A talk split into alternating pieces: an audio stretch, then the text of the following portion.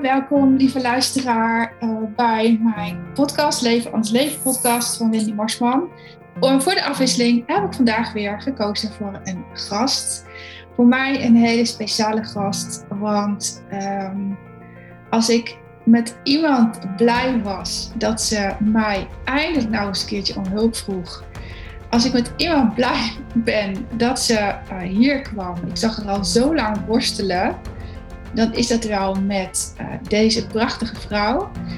Iemand die onwijs goed kan schrijven, iemand die onwijs goed kan verwoorden waar je mee worstelt, maar vooral ook wat jouw overwinning is geweest in het leven. Misschien wel overwinningen zijn. Dan is dat wel Ariane. Welkom Ariane. Dankjewel Wendy, ik vind het hartstikke leuk om hier te mogen zijn. En um, ik weet niet of we gaan besluiten om beeld te gaan delen, maar op de achtergrond staat jouw prachtige boek. Uh, wil je daar iets over delen? Klopt, ja, dat is het boek Zwarte Roze Wolk over liefde en loslaten. Dat is het boek wat ik in 2018 geschreven heb. Uh, eigenlijk ontstaan uit een blog, dat is jou niet vreemd. Uh, de blog die ik bijhield in de zwangerschap van ons dochtertje ME eigenlijk ben ik een blog gestart omdat ik in de eerste zwangerschap een zwangerschapsdepressie heb ervaren. En ik wilde daar graag wat meer bekendheid aan geven. Ik dacht, weet je wat ik ga doen als ik weer zwanger raak en de kans is aanwezig dat ik weer zo'n depressie krijg, dan ga ik een blog bijhouden. Oh, lieve Janne, ben, ben, jij zenuwachtig voor deze podcast? Ja, uiteraard. Ik ben altijd zenuwachtig. Oké, dan moeten we er even iets aan doen. Want als wij in deze energie doorgaan um, met ons gesprek, dan raken mijn luisteraars buiten adem. En uh, ja, jij weet dat ik zo coach, uh, maar je hoeft echt niet zenuwachtig te zijn uh, voor wat we samen doen. Je geeft iets prachtigs door. Bovendien, je ziet het niet, maar ik zie twee kraaloogjes naar ons kijken. Dat is onze hond die buiten staat. Weet je, het, het is alsof we in de kroeg zitten aan een grote fles witte wijn met ijsblokjes. of alsof we op een uh, terras zitten in het prachtige Zutphen of uh, in het prachtige Deventer of whatever. New York, dat is iets spannender. Dan kunnen wij. Gewoon lekker met je voeten op de grond, even lekker ademhalen. Ik, ik ben het en je kent mij door en door. Ja, dat weet ik. Maar dat is gewoon zodra ik in die rol moet stappen. Zo, dat voelt het, hè? Dan hoor je ja, maar je hoeft geen rol te doen. Nee. Je hoeft geen rol te doen. Nee. En dat is wat ik uh, het liefst doorgeef. Dat als je overal hetzelfde bent, hoef je niet te spelen. Nee, dus precies. Dus jij bent Ariane, de moeder van Aimee. En uh, wat geef jij in je boek door? Uh, ja, achter mij staat dus het boek Zwarte Roze Wolk. En dat boek heb ik geschreven uh, in de zwangerschap. Of nou, eigenlijk is dat als blog gestart in de zwangerschap van ons tweede kindje, ME. En in de loop van de zwangerschap bleek zij een hartafwijking te hebben. Ik wilde mensen graag meenemen in, oh, hoe is dat op het moment dat er zorgen zijn in je zwangerschap? Wat, uh, ja, wat doet dat met je? Hoe sta je daar als ouders in? Welke keuzes heb je te maken? Daar heb ik mensen in meegenomen. En uh, uiteindelijk is ME uh, geboren in december 2017. En op het moment, ja, ik heb dat gewoon al die tijd dus geblogd. En een aantal dagen na haar uh, geboorte hoorden wij uh, dat ze niet geopereerd kon worden aan haar hartafwijking. En heb ik dus mensen ook meegenomen in dat proces van, ja, en dan? Dan, dan weet je dus, je hebt een prachtig kindje in je armen. Waar je echt nou intens van kunt genieten. En tegelijkertijd weet je ook dat het eindig is. En ja, dat is ook de reden geweest dat ik uiteindelijk, sinds vier weken na de geboorte, is overleden ik heb, daarna ben ik blijven bloggen ook over het rouwproces. Maar dat is ook de reden dat ik het ook in een boek wilde gieten. Zo van, wat doet dat nou met je? Wat, wat is dat voor proces? En hoe, ja, hoe maak je keuzes? Hoe, waar kom je voor te staan? Hoe is het om te genieten en te rouwen tegelijkertijd? Want dat begon dus al voor haar overlijden. Dat je weet dat je afscheid moet nemen. En ja, ik vond dat een hele mooie boodschap om ook te delen met de wereld. Van rouwen en liefde ligt onwijs dicht bij elkaar heel dicht bij elkaar. Ja. Vorige week is natuurlijk de column online gekomen van Roos Slikker en ik sprak haar telefonisch. We spraken elkaar telefonisch en uh, het was wel hilarisch, want ik zag een onbekend nummer en ik wist ongeveer het tijdstip dat ze zou bellen. En toen zei ik, ja, met de leukste Wendy van Nederland. Hoi Roos. En toen dacht ik, oh shit, misschien is het Roos helemaal niet. Heerlijk. En uh, dan moest natuurlijk uh, heel hard om lachen. En het was ook gelijk het ijs gebroken. En ja, we zeiden tegen elkaar dat wij hetzelfde geloof hebben. We geloven echt dat als je iets meemaakt zoals jij en ik dan, iets vergelijkbaars, maar niet hetzelfde hebben meegemaakt. Ja, dat je daarvan leert dat shit en shine exact op, op hetzelfde moment samen kunnen lopen. Ja, Precies. Ja, ik vind ook dat je dat heel mooi zegt. Dat shit en shine op hetzelfde moment. Nou, dat is exact wat wij hebben ervaren in die weken dat we ermee hadden. En tegelijkertijd wisten dat we op een dag afscheid zouden moeten nemen. Maar niemand kon ons vertellen wanneer dat was. Dus je, gaat, je bent intens aan het genieten. En tegelijkertijd voel je de pijn van dat je weet dat het eindig is. Ehm, maar je houdt echt vast aan die, die liefde die je op dat moment voelt. Voor dat hele kleine kindje in je, in je handen, in je armen. Dat je denkt, ja, dit is wat ik nu heb. Hier wil ik nu gewoon keihard van genieten. Dat wil ik Hoe allemaal groot voelen. was ze eigenlijk bij de geboorte? Oeh, eh, ze was niet zo heel groot. Ze was ehm, nog geen 50 centimeter. En ik durf je het gewicht niet helemaal te zeggen. Maar ze was eh, volgens mij ergens tussen de 5 en de 6 pond. Ik durf het uit mijn hoofd zo niet eens te zeggen. Maar ja, gewoon, het was gewoon een klein babytje. Wel Ja. gewoon volgroeid, 38 weken zwangerschap. En eh, ja, gewoon alles erop en eraan. Echt een babytje. Zoals je dat normaal gesproken ook gewoon in je handen zou hebben. Dat, dat, daarin was het niet anders. Mooi. Ik vind dit alles zo puur. Dat, voorheen wist ik het niet. Dat je net zo trots kunt zijn op een overleden kindje. Of een kindje die iets markeert. Of eh, een kindje waarvan je weet dat ze komt te overlijden. Ja, ik wist natuurlijk ook, dat is een beetje raar natuurlijk. Was raar omdat hij zou gaan. Dat je daar zo fucking trots op kunt zijn. En dus ik was naar jou aan het kijken en ik weet het even een stilte viel. En dacht ik, ja, dit is echt zo mooi van. Dit is echt mooi, daar geniet ik dan eens van. Maar hoe was jij, hoe stond jij in het leven voor jouw dochtertje kwam?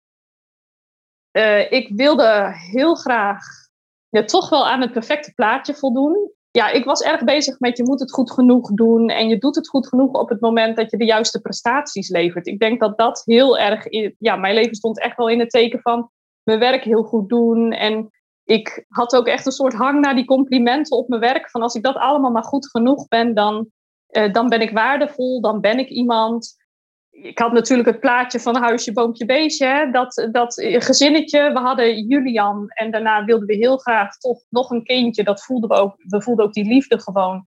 Maar ook dat ik dacht, ja, ik wil niet dat Julian alleen opgroeit. Ik wil hem graag nog een broertje of een zusje, gun ik hem. En ja, eigenlijk was dat waar mijn leven op dat moment stond. Zo van, ik vond het hartstikke mooi om in mijn werk te presteren en de goede dingen te doen. En ik had die waardering, die externe waardering eigenlijk nodig. Van of het nu was in het moederschap, of in het vrouw zijn van, of in het werk. Ik was op zoek naar die externe bevestiging. Ik denk dat dat echt mijn leven kenmerkt daar. Kreeg je die bevestiging ook? Ja, dat denk ik wel. Ja, ik kreeg, En in ik kreeg welke die vorm dan? Nou, dat ik inderdaad dus op mijn werk hoorde dat ik het goed deed. En uh, dat ik, ja, kijk, hè, ook gewoon puur het feit dat je dat gezinnetje bent enzovoort. Dat was voor mijzelf gewoon die bevestiging van, kijk, wat fijn en wat mooi. Genoot ik ook echt wel van. Alleen het kon mij niet ten diepste, ik, ik vind het best lastig uitleggen, maar ten diepste kon ik het niet voelen. Ook al kreeg ik nog, al kreeg ik honderd complimenten, dan nog voelde ik niet in de kern dat ik goed genoeg was. Oh, dit vind ik zo, ik, zo'n herkenning dit. ja, ja, dat kwam altijd van buitenaf.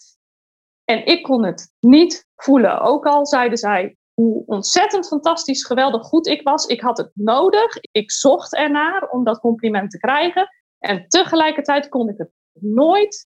Ja, ik maak ook zo dat gebaar met mijn handen. Dat zie je met een podcast luisteren. Niet, maar zo van buiten naar binnen. zo van buiten naar binnen. Van, ik kon dat niet eigen maken, niet voelen. Ik voelde niet die waardering die andere mensen voor mij hadden. En dat, ja, dat kenmerkt wel de periode richting uh, ja, de geboorte van ME toe. Wat ben je daarin anders gaan doen dan? Uh, nou, ik nu voel ik hij in januari 2018 overleden, dus dat is, uh, dat is nu ruim drie jaar geleden. En dat is natuurlijk een heel proces geweest. En als ik kijk waar ik, waar ik nu sta, wat zij mij geleerd heeft, de grootste verandering die gekomen is, echt uh, door de geboorte van ME, door het aanwezig zijn van ME, is dat um, ik hoefde voor haar niks te doen dan alleen maar aanwezig zijn. Haar liefhebben, haar koesteren, haar beminnen. En, en daarin zag ik een stukje.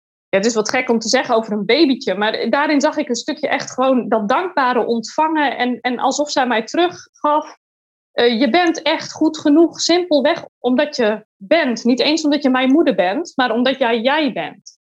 En daar is echt voor mij iets in gang gezet. Tuurlijk krijg je te maken met een enorm rouwproces, met de pijn en het verdriet. Maar daar is heel diep van binnen al bij mij iets veranderd. Dat ik dacht, wauw, maar voor jou, ik hoef niks te presteren. Daar heb je hem, waar ik al die tijd naar zocht. Ik hoef voor jou niks te presteren om het goed genoeg te doen. Ik hoef er voor jou alleen maar te zijn. En ook al was ik al moeder, had ik dat niet zo ervaren. Want bij de eerste ben je ook nog heel erg bezig. Althans, ik was heel erg bezig met doe ik het goed genoeg? Uh, doe ik het zoals men zegt dat de moeders het moeten doen? bij haar viel dat helemaal weg. Mooi. Ik, ik kan uren naar je luisteren, maar dat weet je. ik word bijna gebiologeerd door jouw woorden, omdat ze zo mooi zijn. En terwijl hier in de, in de tuin staan nu drie jongens eh, te voetballen, is de hond daar tussendoor aan het laveren. Maar ja, ik hou zo van hoe jij dit vertelt. Dat vind ik zo gaaf. En ehm, ik, ik ben dan toch benieuwd, want ik herken dit. Maar wat hebben wij dan voor verschil ervaren tussen de oudste en de jongste? En in mijn geval zit er ook nog een middelste tussen. Wat is dat dan? Wat, wat hebben we bij de ander niet gevoeld dat we bij de jongste wel hebben gevoeld? Ja, mooie vraag. Misschien was het in ons geval juist omdat ik wist dat ME niet groot zou worden. En zelfs nog voor dat stadium, voordat wij dat hoorden, dat ze inderdaad niet geopereerd kon worden, was er in de zwangerschap al heel veel twijfel geweest. En mee had het syndroom van Down, dat hoorden we in de zwangerschap. Daar kwam ook haar hartafwijking vandaan. En op dat moment vielen eigenlijk alle verwachtingen weg. Waar je normaal een soort verwachting hebt als je een kindje krijgt, heb je een soort toekomstperspectief daarbij. Je ziet in gedachten je kindje eigenlijk al een beetje opgroeien. Je hoopt dat het goed terecht komt, dat het misschien een mooie opleiding gaat volgen. Mhm. En op dat moment dacht ik alleen maar, ik hoop dat zij een prachtige plek in het leven vindt waar zij zich goed genoeg voelt. Waar zij zich geliefd voelt, gezien voelt.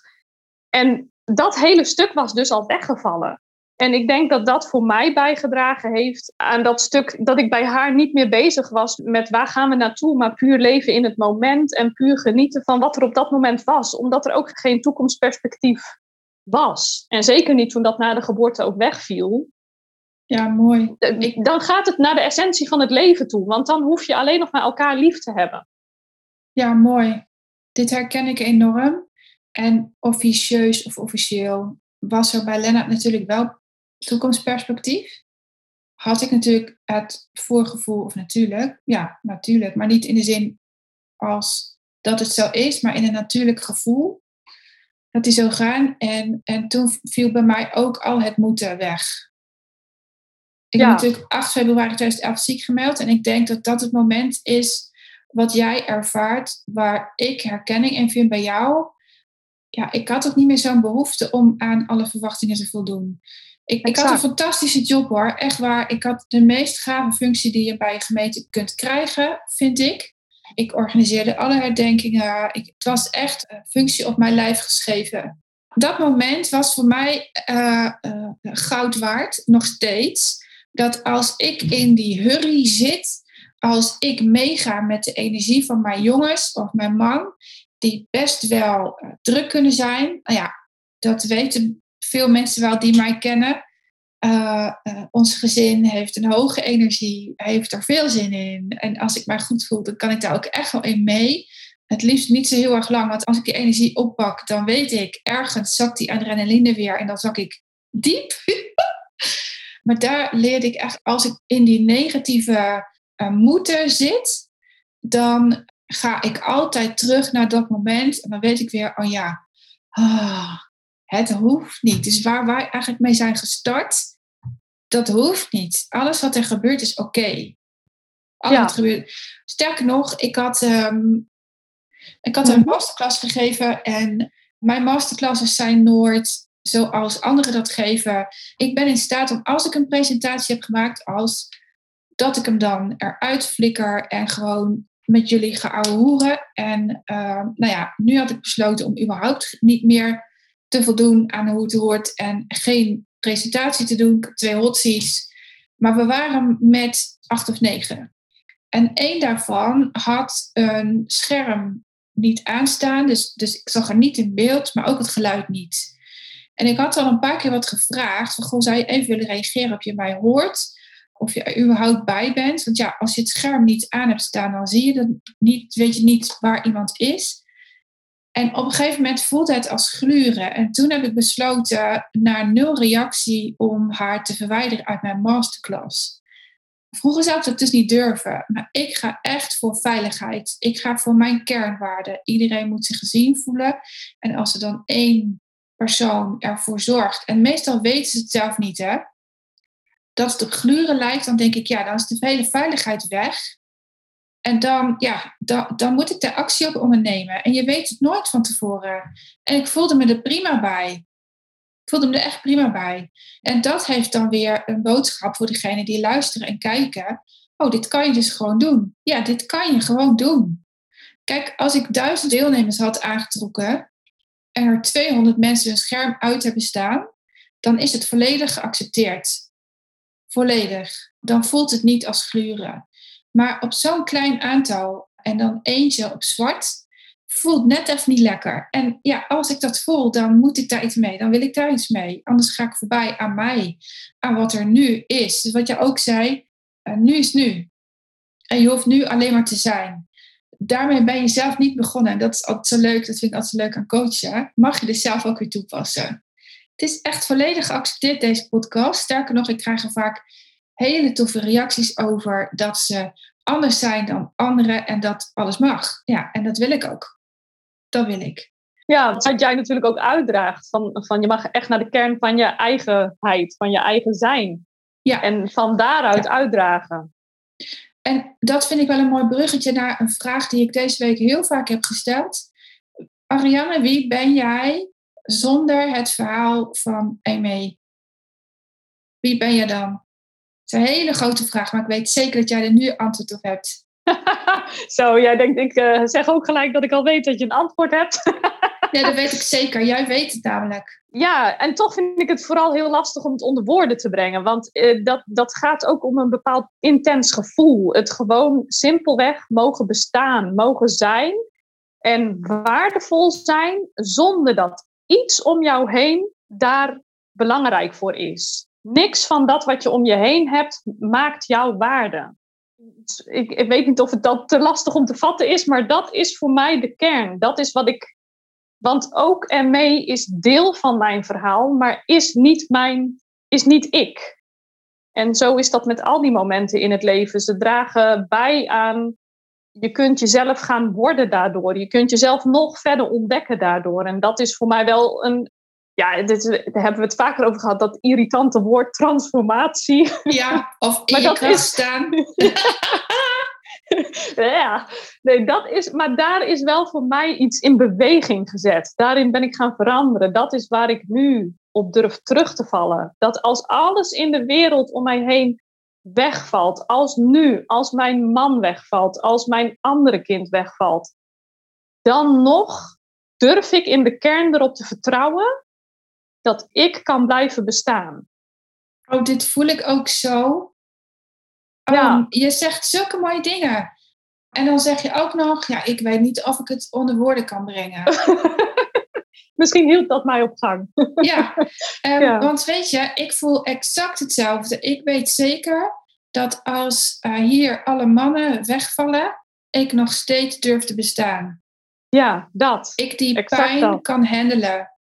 Ja. Ik die, uh, die verscheurdheid van dat die de dood kan uh, geven, uh, dat is zo'n mooi proces, zo'n zuivere emotie. Ja. Um, en um, we zeggen vaak, we, dat gunnen we een ander niet, maar ik gun het een ander wel. Dat proces. Ja. Dat proces. Maar wel dan in de wetenschap dat het je niet tot slachtoffer hoeft te maken. Het kan je wel maken tot een mega veel meer mooier mens.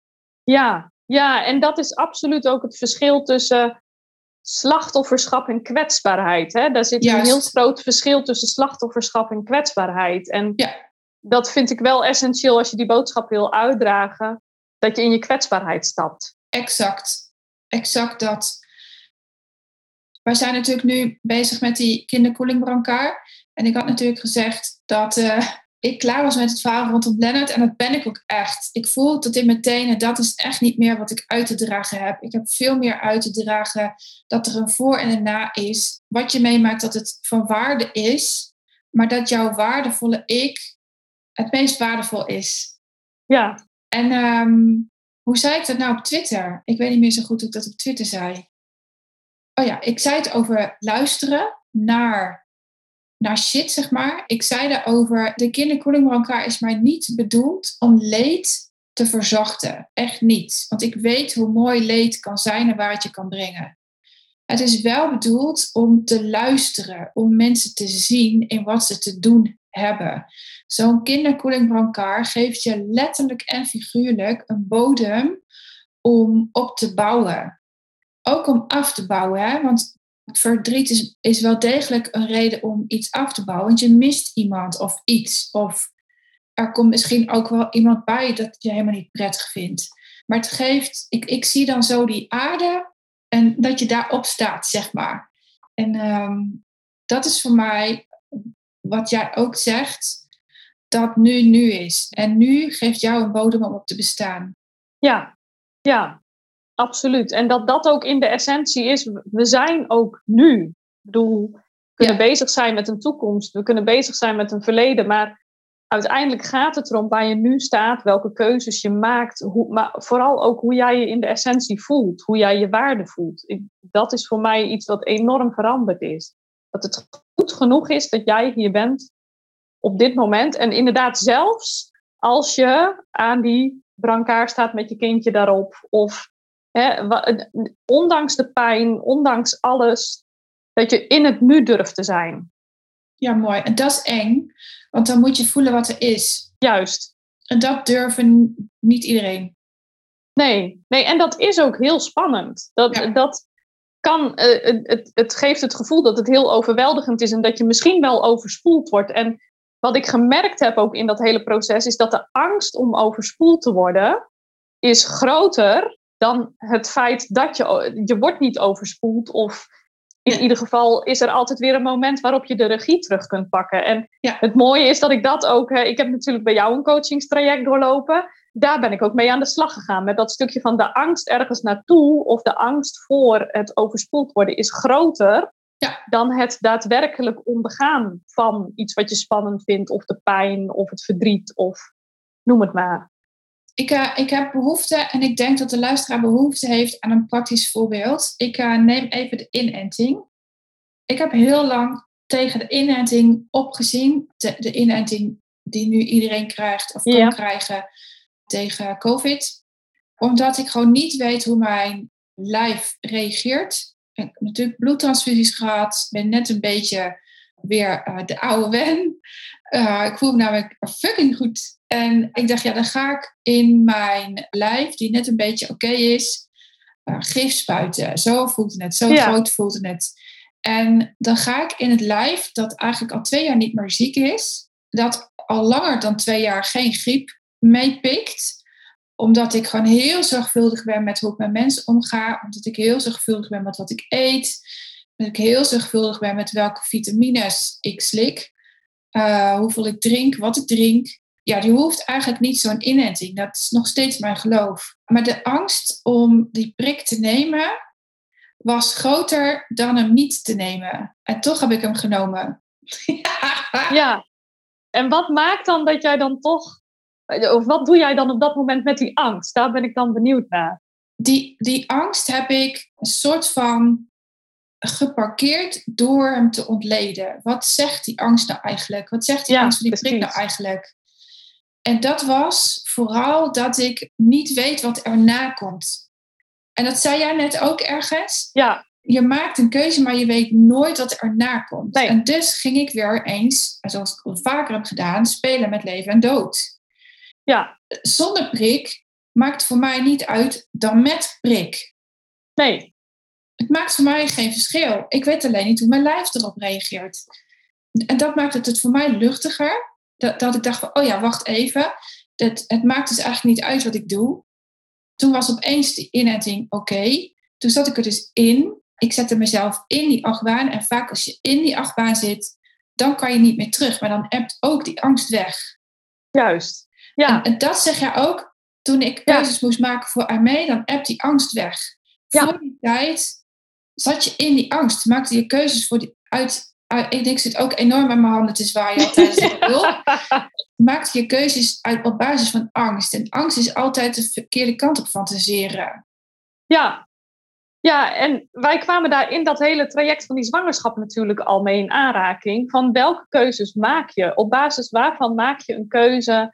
Dat hele proces zijn we ook samen ingestapt om echt bijna naar de kern toe af te dalen van wat is leven? Wat betekent leven? Op welk moment geef je een kind leven en wat houdt dat voor jou in? Wat is kwaliteit van leven? Wat wensen we voor haar? Is dat het perfecte plaatje waar iedereen aan moet voldoen of mag ook en mee gewoon bestaan omdat ze bestaat en zijn. En uh, daarin zijn we dus ook al in dat proces afgedaald. En ja, dan heb je angst. En ja, dan, dan uh, ben je wel ergens, voel je dat wel van, oh, wat brengt die toekomst dan? Maar toch steeds weer terug naar, nee, maar wat is er nu? En is het nu goed, dan is het nu goed. En dat helpt enorm om daarin te stappen en dan ook te denken, ja, Weet je, je hebt helemaal geen controle. Je denkt dat je controle hebt. Nee, je verlangt naar controle. Maar dat is er helemaal niet.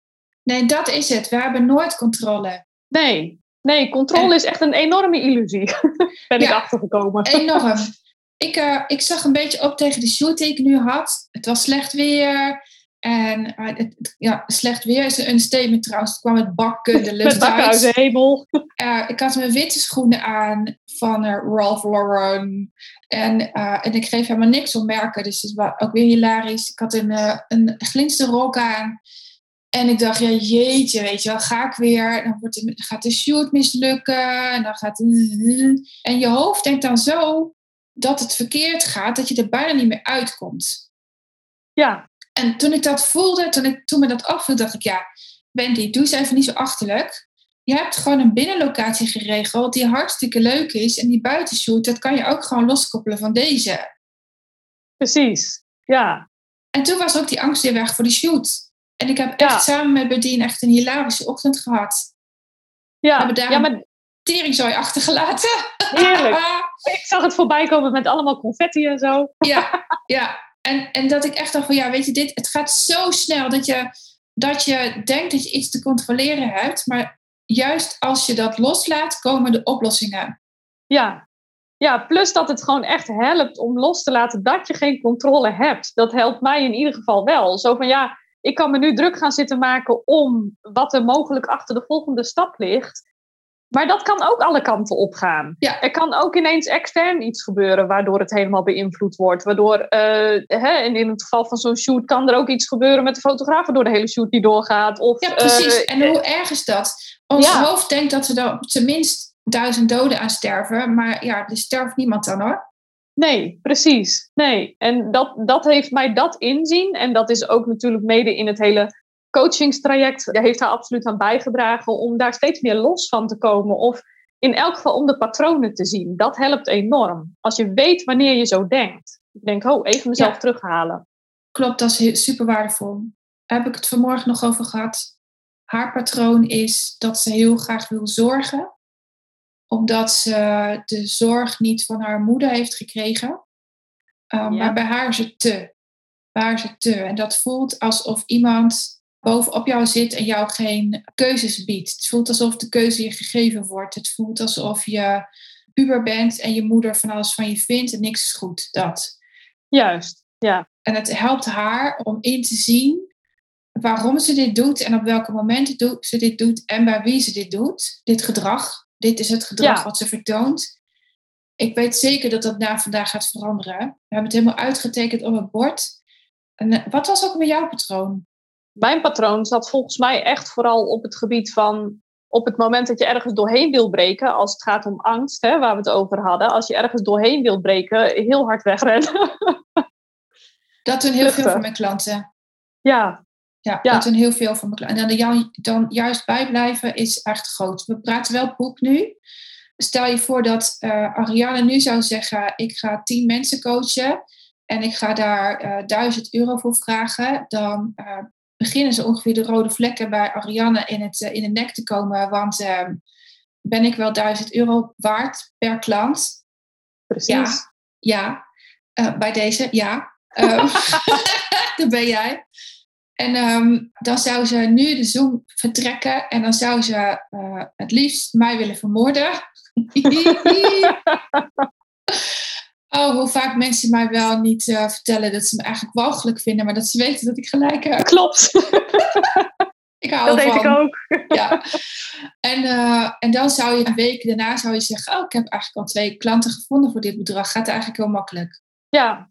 ja, en het heeft echt te maken met ehm, op het moment dat je het patroon leert herkennen, ook de juiste hulptroepen inzetten, waardoor je er wel doorheen kunt gaan. Want als je er eenmaal doorheen bent, ik weet dat ik met jou op een gegeven moment ben ik live gegaan op Instagram. Nou, ik stierf duizend doden en daarna ging het veel makkelijker. En is het helemaal niet meer zo ingewikkeld om dat te doen. Hoeveel Ehm, interviews heb jij nu al gegeven?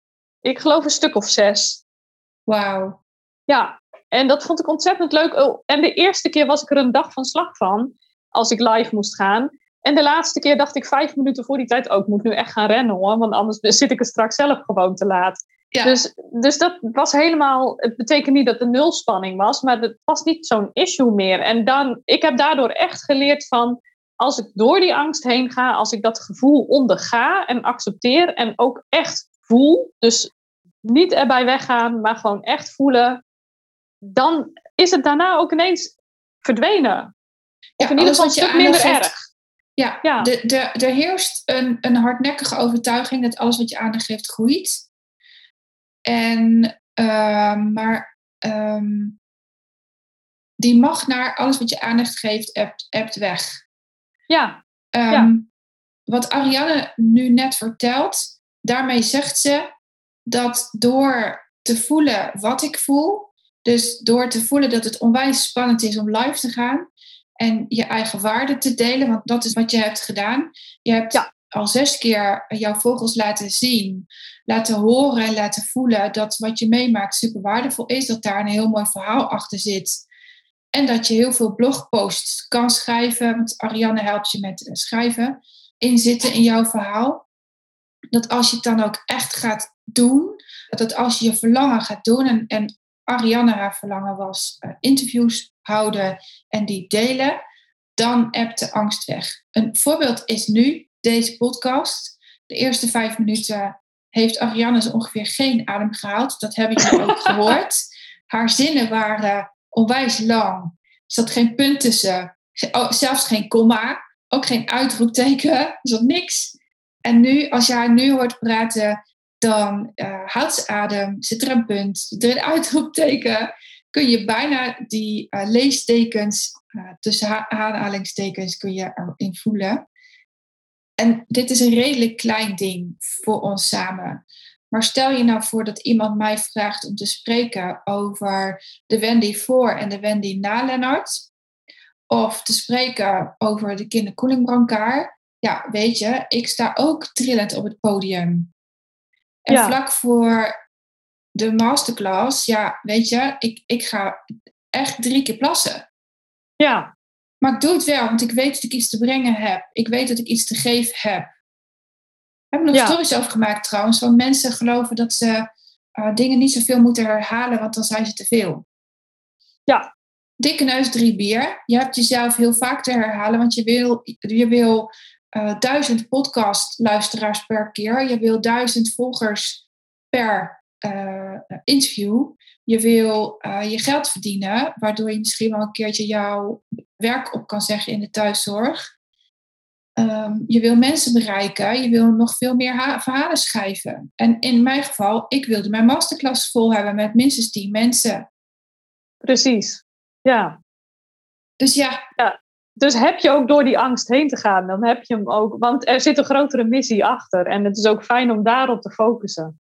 ja, en de mensen die hun, hun grotere missie niet voelen, gaan het niet nog een keertje herhalen. Daar werk ik aan. Mensen die geloven dat ze te snel te veel zijn, geloven nog iets van vroeger. bij mij was dat je bent niet goed genoeg en je moet hard werken.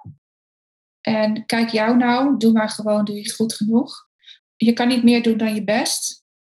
We hebben geen geld wel in de tuin, dus je moet hard werken. Die patronen zaten er bij mij allemaal in. Die zijn weg. Ik doe lekker alles in flow.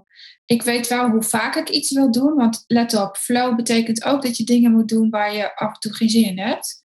En soms heb ik echt geen zin in de podcast. Maar als ik dan weer bezig ben, vandaag overigens wel hoor, maar uh, het klinkt zo gek dat ik dit zeg, maar soms heb ik echt geen zin in. Soms heb ik ook geen zin in stories. Maar ik weet nou eenmaal, ik heb mezelf beloofd dat ik iedere dag stories maak. Of in ieder geval door de week en in het weekend zie ik wel. En het liefst ook iedere dag tussen half negen en negen. Dat schept trouwens ook een verwachting dat je er bent. Die verwachting vind ik heel gezond, want ik weet dat er standaard gemiddeld 200 kijkers op mij wachten. Die ik heus wel vertel dat ik wel eens een dag heb dat ik er geen zin in heb. En dat het dus bij twee stories blijft. Ik ga er dus ook in hangen. En het leuke is, als je er dan in gaat hangen en ik daarna met dribbel de rot op ga, komt er altijd weer een les die ik delen heb. En die deel je dan ook? Ja, die deel ik dan ook. Juist, ja. ja. ja maar dat, dat, uh, dat is ook het mooie eraan. Want ik merk dat ook, dat nu ik eindelijk echt mijn missie voel. Ik ben ook best wel een tijdje op zoek geweest natuurlijk. Van wat heb ik dan te brengen? Wat heb ik dan te doen? Wie wil ik dan bereiken? En nu ik levensverhalen schrijf van mensen die, ja, gewoon die iets hebben meegemaakt wat hem beïnvloed heeft, wat hem veranderd heeft merk ik ook dat als ik iets wil delen over wat ik aan het doen ben of wat ik te doen heb, denk ja, kan, als ik geen zin heb, kan er altijd iemand zijn die wel precies op dat moment denkt, ja, dat moest ik net even horen. Of uh, hey, nu ga ik toch instappen. Of nu neem ik toch contact met je op, ook al vind ik het spannend. En dat heeft, ja, maar dat heeft mij er echt doorheen geholpen. Dat ik, dat ik dat ook gezien heb, dat ik dat ook gehoord heb van mensen. Dat ik denk, ja, het kan mij niet schelen als ik het nog 300 keer tegen jullie vertel. Maar er is altijd weer iemand die luistert, kijkt of wat dan ook, die het wel nu net nodig heeft om het nu te horen. Dus, exact dit. Ja. En ook het aantal likes op je berichten, zo'n onzin. Zo'n onzin. Um, ja, het zegt iets over hoeveel mensen je in beeld bent, maar nooit iedere dag. Want als ik vandaag jouw post een hartje geef, kan het maar zo zijn om, om, om drie uur, het is nu drie uur, Um, dan kan het maar zo zijn dat ik jouw post morgen om drie uur geen like geef omdat ik je niet zie. Het is altijd een momentopname. Maar mijn Facebook post bijvoorbeeld op dit moment hebben een laag bereik. Ja. En toch er kan over een maand iemand mij bellen die zegt: Ja, ik had opeens zin om jouw live te kijken. Van vandaag, hoeveel is het? 20 mei. Is het alweer 20 mei? Hm. Time flies when you're having fun. Die heb ik gekeken van 20 mei. Of ik heb jouw podcast over kritiek geluisterd. Dat is een, podcast die bij mij heel goed loopt. Nou ja, voor misschien wel een half jaar geleden. Ik weet niet meer wanneer ik die heb opgenomen. En ik wil graag met je werken. Dus het zegt niks. Je ziet niet iedereen. En dat kan dan ook iemand zijn die bij jou eigenlijk nooit in beeld gekomen is, omdat Klopt. diegene niet eens op je posts reageert. En dat vind ja. ik ook het bijzondere. Ja. Dat, en je kunt je ook altijd afvragen, wat is, wat is je doel van het delen? Is dat om zoveel mogelijk likes of reacties te krijgen? Of is het gewoon omdat je iets te vertellen hebt? Precies. En hoopt dat dat bij de, of hopen is misschien niet het goede woord, maar dat je wel, je hebt als doel dat dat bij de juiste mensen terechtkomt. En dat betekent niet altijd dat een post heel veel reacties krijgt, terwijl het wel een bepaald bereik kan hebben, dus, uh, of een bepaalde impact. En ja dat geef ik ook mee als ik het met mensen heb over schrijven, inderdaad. En zeker als het gaat over je kwetsbaar opstellen op social media, in je posts. Het gaat niet om die reacties. Het gaat om wat jij te vertellen hebt, wat jij te delen hebt. En er kan iemand zijn die exact op jouw woorden zit te wachten. En het gaat zelfs niet, natuurlijk, je moet het doen. Ik verwacht van mijn klanten dat ze gaan delen. Ja. Maar het gaat zelfs niet om wat je deelt. Het gaat veel verder dan dat. Het gaat om wie Ja. je bent, om wat je doet of je, Ja. of je doet wat je zegt. Of je zegt wat je doet. Of ja, wat je uitstraalt. Kijk, vandaag is mijn energie sky high. En gisteren bij de masterclass was mijn energie ook sky high. Die converteren altijd beter dan als ik op een avond een masterclass geef waarin ik eh, moe ben, waarin ik er wat grauwig uitzie. Ehm, bij mij zie je dat zo goed. ik kan het ook niet faken. Nou, misschien zou ik het kunnen, maar ik wil het niet eens meer. En de kracht van benoemen is dan heel groot. Ja. Sterker nog, ik ben dan in staat om te zeggen: Dit was niet mijn beste masterclass, ik geef hem opnieuw. Kunnen jullie woensdagochtend 8 uur of zo? Precies, ja. En dat is die kracht van kwetsbaarheid, dat je durft toe te geven dat het um, ja, net even niet lekker was. Ja. Um, of uh, dat je durft toe te geven, goh, je reactie of je vraag raakt mij. Of je vraag, daar heb ik geen antwoord op. Oh, daar had ik het vanmorgen nog over. Mijn klant die geeft eind juni ergens een, uh, een workshop. En uh, zij zei, ja, die wil ik tot in de puntjes voorbereiden. En uh, ik wil helemaal weten wat ik zeg en wat ik vraag. En zei ik, ja, daar zit hem dus niet op. Dat is die controle. Nee. En zei ik, jij doet dit al vijf jaar. Jij weet alle ins en outs over jouw vakgebied. Hoe wordt jouw workshop, hoe mooi, hoe fijn of hoe ruk, want het kan natuurlijk ook, als jij ervan uitgaat dat je alles weet, dat je genoeg weet, maar dat je ook kunt zeggen, als een van de vrouwen, want zij heeft alleen vrouwen in de workshop, als een van die vrouwen een vraag stelt waar je geen antwoord op hebt, hoe moeilijk voor je is het om te zeggen, goh, lieve Truus, ja, jij weet, ja, alles bij mij heet Truus of Jan. Dat is ja, voor de voorbeelden. hoe moeilijk is het dan voor jou om te zeggen, ik weet hier het antwoord nu niet op. Ik weet wel wie het wel weet. Dat ga ik voor je navragen. Wat is je mailadres? Je krijgt het antwoord per mail terug. Ja. Voor aanstaande vrijdag 4 uur. Als ik geen antwoord heb, dan uh, krijg je ook eventjes uh, waar ik sta. Uh, of ik die persoon nou heb contact. Ik kom er dus sowieso op terug. Ja. Ja, en dat vind ik dus heel mooi. Wat je nu zegt, ik herken me dus heel erg in hoe ik was. Als in, je moet alles tot in de puntjes voorbereiden en alles moet kloppen. En ik moet alle vragen die ik mogelijk kan krijgen vooraf al uitgedacht hebben en een antwoord op hebben. En inmiddels geef ik ook wat vaker workshops. Of ik, uh, nou, laatst heb ik een workshop mogen geven, ook rondom tekstschrijven. En ik had hem wel voorbereid. Maar ik dacht ook, nou, dit is wat het is. En ik vertrouw er gewoon op dat, eh, kom op, ik sta hier toch niet zomaar. Dus ik ga dat gewoon doen. Ik heb iets te delen. En ik ben in elk geval verder op de weg dan jij, eh, die hier naar mij zit te luisteren. Dus waarom zou het misgaan? Daar heb je weer die angst. En daar kun je op reageren door de grip te pakken. En je kunt ook denken: oké, ik voel die angst, maar ik mag er ook op vertrouwen dat ik weet wat ik weet.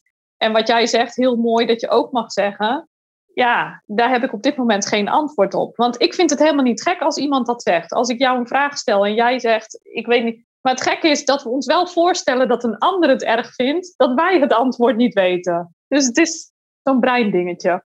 En wat was voor jou makkelijker of harder werk, kies maar. Er grip op krijgen of erop vertrouwen dat het oké gaat, dat het goed komt. Vertrouwen dat het goed komt. Dat is voor mij um, zoveel fijner. Want die grip, dat kost heel veel energie. Want als jij gaat naar het, het hebben van grip, dan ligt er een hele grote verantwoordelijkheid op je schouders. En als je in dat vertrouwen stapt van, nou, ik vertrouw er gewoon op dat het goed komt, het geeft ook een soort van grip. Gek genoeg geeft dat ook een gevoel, dat gevoel van vertrouwen geeft ook een soort grip, zonder dat het energie kost. Zonder dat je daar heel hard voor hoeft te werken, omdat je twintig stappen vooruit moet denken. Hebben we daar een voorbeeld bij voor de luisteraars? Nou, dat is eigenlijk wat ik net al zei met zo'n workshop, waar ik dus in het verleden gewoon echt dat helemaal zou uitdenken en tot in de puntjes zou verzorgen. Ehm, plus dat je continu in een soort angstmodus zit. Als ze maar niet dit vragen, als ze maar niet dat vragen. Dat kost heel veel energie. Kost ook heel veel tijd. Je gaat ook alles vooraf uitzoeken, uitdenken enzovoort. En ze vragen het nooit. En ze, vragen, nooit echt nooit. wat jij denkt. Nee, nou in ieder geval niet al die scenario's die je uitgedacht hebt. Terwijl als je in dat vertrouwen stapt, zoals nu de laatste keer ben ik die workshop gaan geven. Ik gaf hem op locatie. Ik ben daarheen gereden heel relaxed. Ik kwam terug. Ik had nog alle energie over om de rest van de dag gewoon. Ik was verbaasd. Dan denk ik, hé, hey, wat heerlijk. Zo kan het ook. Dit is leuk. Uh, nu kan ik gewoon vijf dagen in de week knallen zonder dat het voelt als knallen. Hè, waar ik mee bij jou kwam, was ook de angst om weer in een burn-out terecht te komen. Maar als je dat gevoel van. Um, oh, dat weet ik nog als je in dat, Ja, als je in dat vertrouwen stapt en je doet de dingen die je leuk vindt, dan is dat ook niet meer. Ik hoef niet meer naar die grip. En het, het zoeken van die grip, dat kostte me zo ontzettend veel energie. Hmm. Wat zou je nu willen zeggen tegen degene die angst heeft voor hard werken, die angst heeft om terug te vallen in dat nare gevoel dat een burn-out met je doet, wat zou je zeggen? Mooie vraag, mooie vraag. ja, ik zou je echt willen, willen vragen of willen zeggen: ga op zoek naar dat vertrouwen in jezelf. En ga op zoek naar dat vertrouwen dat je, die zelfliefde, dat je goed genoeg bent zoals je bent, dat je iets hebt te delen. En dat, het, dat jij er niet een beter mens van wordt, of een mooier mens, of een waardevoller mens, als jij krampachtig die grip probeert te houden. Want dat hoeft helemaal niet. Dat mag je echt van je af laten glijden. Want dat bepaalt niet jouw waarde. En op het moment dat jij durft te vertrouwen op dat jij waardevol bent zoals je bent en om wie je bent, dan mag je echt gaan delen vanuit jezelf. Ik ga Ariane even vertalen, want yes, graag. het klopt echt wat je zegt, lieve schat. Het klopt echt wat je zegt. Alleen je gebruikt wel, zoals ik dat noem, lege taal. Ja. Want hoe laat je dan iets van je afglijden? Als ik dat tegen jou had gezegd de eerste keer, had niemand dat, dan was je niet gelukt. Nee, nee, klopt. Iets van je af laten glijden doe je door te doen. Ja. Dan heb je je af te vragen, wat zou ik eigenlijk echt willen? Um, Waar word ik blij van? En, en dat ga je dan doen. Maar niet 40 uur per week, want dat is een last hoog leggen. Dat is misschien beginnen met vijf minuten. En dat is waar we heel vaak over oordelen. Dat starten met vijf minuten, dat dat uh, niet goed genoeg is. Kan ik het beter niet doen? Ja, en hier ja. onderscheid ik mij dus van het zijn van een bedrijfscoach. Dit ik wil ook echt geen bedrijfscoach genoemd worden. Ik weet dat sommige mensen mij wel zo zien. Maar wat ik jou zo gunde, Ariane, is dat jij een succeservaring zal krijgen op hard werken.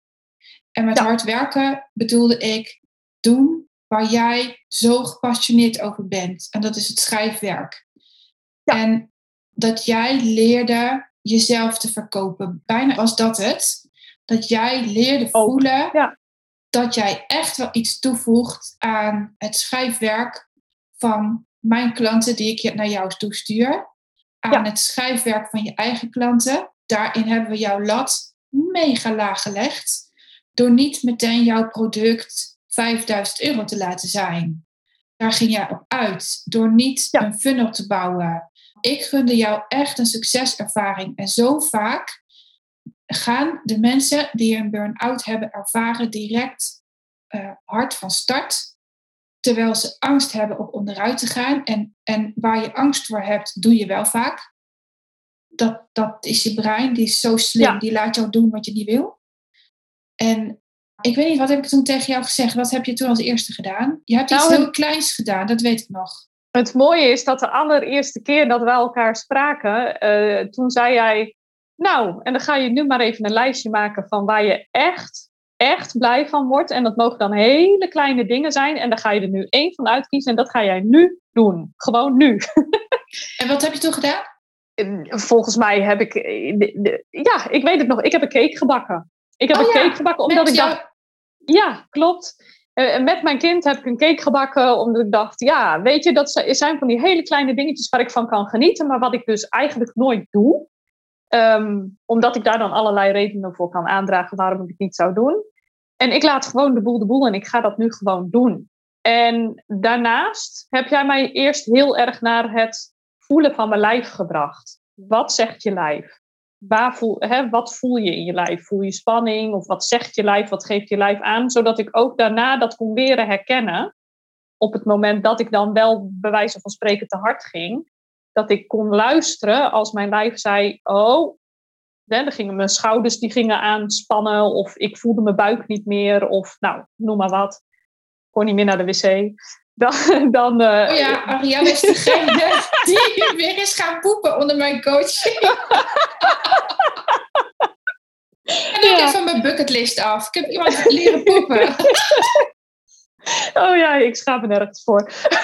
ik ook niet meer. Ik heb zoveel meegemaakt. Ik heb zoveel mannen in mijn lijf gezien dat ik echt denk, ja, kom maar weer door. Maakt het nog uit. Ja. Laat doen weer nee. een onderzoek. Maar dat was voor mij wel heel essentieel, want ik weet nu dat um, op een gegeven moment als, als ik dan merk dat ik te veel doe, dan zegt mijn lijf gewoon: hallo, stop hiermee. En als ik dat negeer, dan word ik uiteindelijk ziek. En dat was het proces wat ook in de eerste maanden van de coaching. Toen heb ik keelontsteking gehad en toen heb ik. Dus het was echt, echt leren luisteren van. Wat zegt je lichaam nou? Luister. Ik hoorde wel wat mijn lichaam zei. Ik voelde wel wat mijn lichaam zei, maar ik luisterde er niet naar. Ik deed er niks mee. En dat ja, was zeggen, ook, ook weer, er is een verschil tussen horen en luisteren. Ze kunnen je wel nou, horen, maar niet luisteren. Zoiets, of is het andersom? Mooi. Of is het andersom? Nee, ik geloof dat ik hem goed zei. Dat denk ik wel, ja. En de essentie is ook wel duidelijk. Want dat is ook wat ik deed. Ik hoorde het wel. Ik kon het ook wel benoemen. Ik kon exact benoemen wat er in mijn lichaam voelbaar was. Ik deed er niks mee. Nee, lekker doorgaan. Zei, ja, doei, gewoon doorgaan. En, en, ja, dat en was is wel... je echt gelukkig? Nee, niet, niet vanuit de basis, nee. En verkocht jij goed op dat moment? Nee, want ik durfde niet zichtbaar te zijn. Nee, en dat is het dus. Hè? Je denkt misschien niet eens dat je goed bezig bent, maar je weet dat je iets met je bedrijf doet. Maar je weet ook dat je continu meer moet doen, omdat je je doelen niet haalt. Dat zo denkt je hoofd. Ja, dan moet je het nog beter, nog perfecter, nog, uh, ja. En, en dat is voor, voor een burn-out. Ja. Terwijl als je heel klein begint, en daarom wil ik dus echt geen bedrijfscoach zijn. Als je heel klein begint, gewoon met één, één ding. Ja. Gewoon één iemand even opbellen en zeggen: Goh, ik zie jouw post en ik denk dat je ze, dat je ze nog beter kan. En ik, ik denk ook dat ik jou daarmee kan helpen. In ruil voor een review. Geef jezelf gratis weg, klopt. Maar dat mag. En uh, die review zegt voor mij alles. Die wordt voor mij een bodem om op te bouwen. Bij de tweede vraag je 5 euro of 10 euro. En voor een ander begint hij bij 500 en de tweede 750 euro. Dat maakt verschil. Ja. En, en daar dan succeservaringen op hebben. Wow, dat is zo gaaf. Ja, en dat geeft ook dat vertrouwen in jezelf dat je weer een volgende stap durft te zetten. Ja. Dat groeit ook. Ja, dat groeit. Ik heb een diep geloof in mezelf en ik probeer mezelf er wel eens van af te halen of dat geloof nog wel klopt. Dan heb ik het wel eens met mensen over. Er heerst een geloof over een burn-out dat je er iets af moet halen. Dat er iets uit je agenda moet. Ik denk dat bij veel gevallen, want ik wil niet generaliseren, van bij veel gevallen, bij veel mensen die een burn-out ervaren, dat er iets bij moet dat er iets bij moet waarin ze al hun ei kwijt kunnen. Waarin ze al hun kwaliteiten kunnen toepassen. En dat dan jouw waardevolle gevoel groeit. Ja. En in jouw situatie was dat gewoon heel simpel een cake bakken met jouw zoontje. Ja. En hadden we dat voor die tijd kunnen verzinnen? Nee. Daar moesten we het gewoon even over hebben. Ja. Ja, en daar zit ook weer die essentie hè, van wie was ik voordat ME kwam en uiteindelijk waar ik nu sta. Dat heb ik gaandeweg dat hele proces geleerd. Van dat die waardering voor jezelf, dat zit gewoon in jezelf. Daar mag je hele kleine stapjes in maken om dat te gaan voelen. Dus inderdaad gewoon die cake bakken. En denken, wauw, dit is gewoon, dit is op dit moment goed genoeg. Ik bak een oh, cake met mijn kind. Ja, ik weet nog zo het appje, dat gevoel wat je mij gaf. Ik weet niet, je zei iets in, oh, dat heb ik zo lang niet gedaan. En wat, heb, ik, wat heb ik dit gemist? Wat heb ik die straalogen van mijn kind gemist? Zoiets zei je. Ja. Ik had heel lang ook niet meer die echte verbinding aangegaan. Omdat ik natuurlijk op mijn tenen had gelopen, in die burn-out terecht was gekomen. En daarna eigenlijk alleen maar hetzelfde gedrag vertoonde om er weer uit te komen. Ja, en dat kwam niet uit. Nee. Ja, mooi. Mooi. Ik vind het mooi om mee af te sluiten dat erkenning uit jezelf komt en uh, niet uit je omgeving. Absoluut, absoluut. Daar ligt een hele mooie sleutel. Ik geloof dat dat de titel wordt van deze uitzending. Ben je het daarmee eens, mevrouw de schrijfcoach? Absoluut, uh, mevrouw de echte coach. de, nu de levenscoach. Nee, de levenscoach. hoe moet ik jou dan noemen? Gewoon Wendy. Wendy, ja, mevrouw Wendy ik, uh, ik heb van alles geprobeerd om, om, om een naam te geven aan wat ik doe, maar ja. Niks dekt de lading, precies. Niks dekt de lading. en dan als een klant weer klant is geworden, zeg ik ja, ik doe altijd maar wat hoor. Gevoel. doe je dat mooi goed. Op gevoel, intuïtie. Ja, mooi. Um, waar kunnen mensen jou vinden als ze blogs willen schrijven of als ze iets over zichzelf willen gaan delen en daar moeite mee hebben? Sowieso op Instagram ben ik heel actief. Uh, Ariane Wennekes, gewoon lekker mijn eigen naam. En uh, op mijn website ariannewennekes.nl. Nou, wat voor de hand liggend, hè? ja, cool. Cool. Ik ben zo trots op je. Ah, dankjewel. Ja, het was een waardevolle reis. Dit... Ja? Ik het ook heel graag dat je dit hebt aangedurfd. En uh, ik hoop dat duizenden mensen even klikken op jouw Instagram-account. En dat uh, 3000 mensen minstens dit jaar nog jou gaan vragen om, om hulp, dan moet je wel groter leren denken. En uh, je prijzen verhogen, want dat ben je echt waard. Dat weet je. Ja, mooi. Ja. Ik weet niet waarom, maar wij gaan elkaar ongetwijfeld nog een keer zien zodra uh, de hele wereld weer open is. Yes. Dankjewel hè.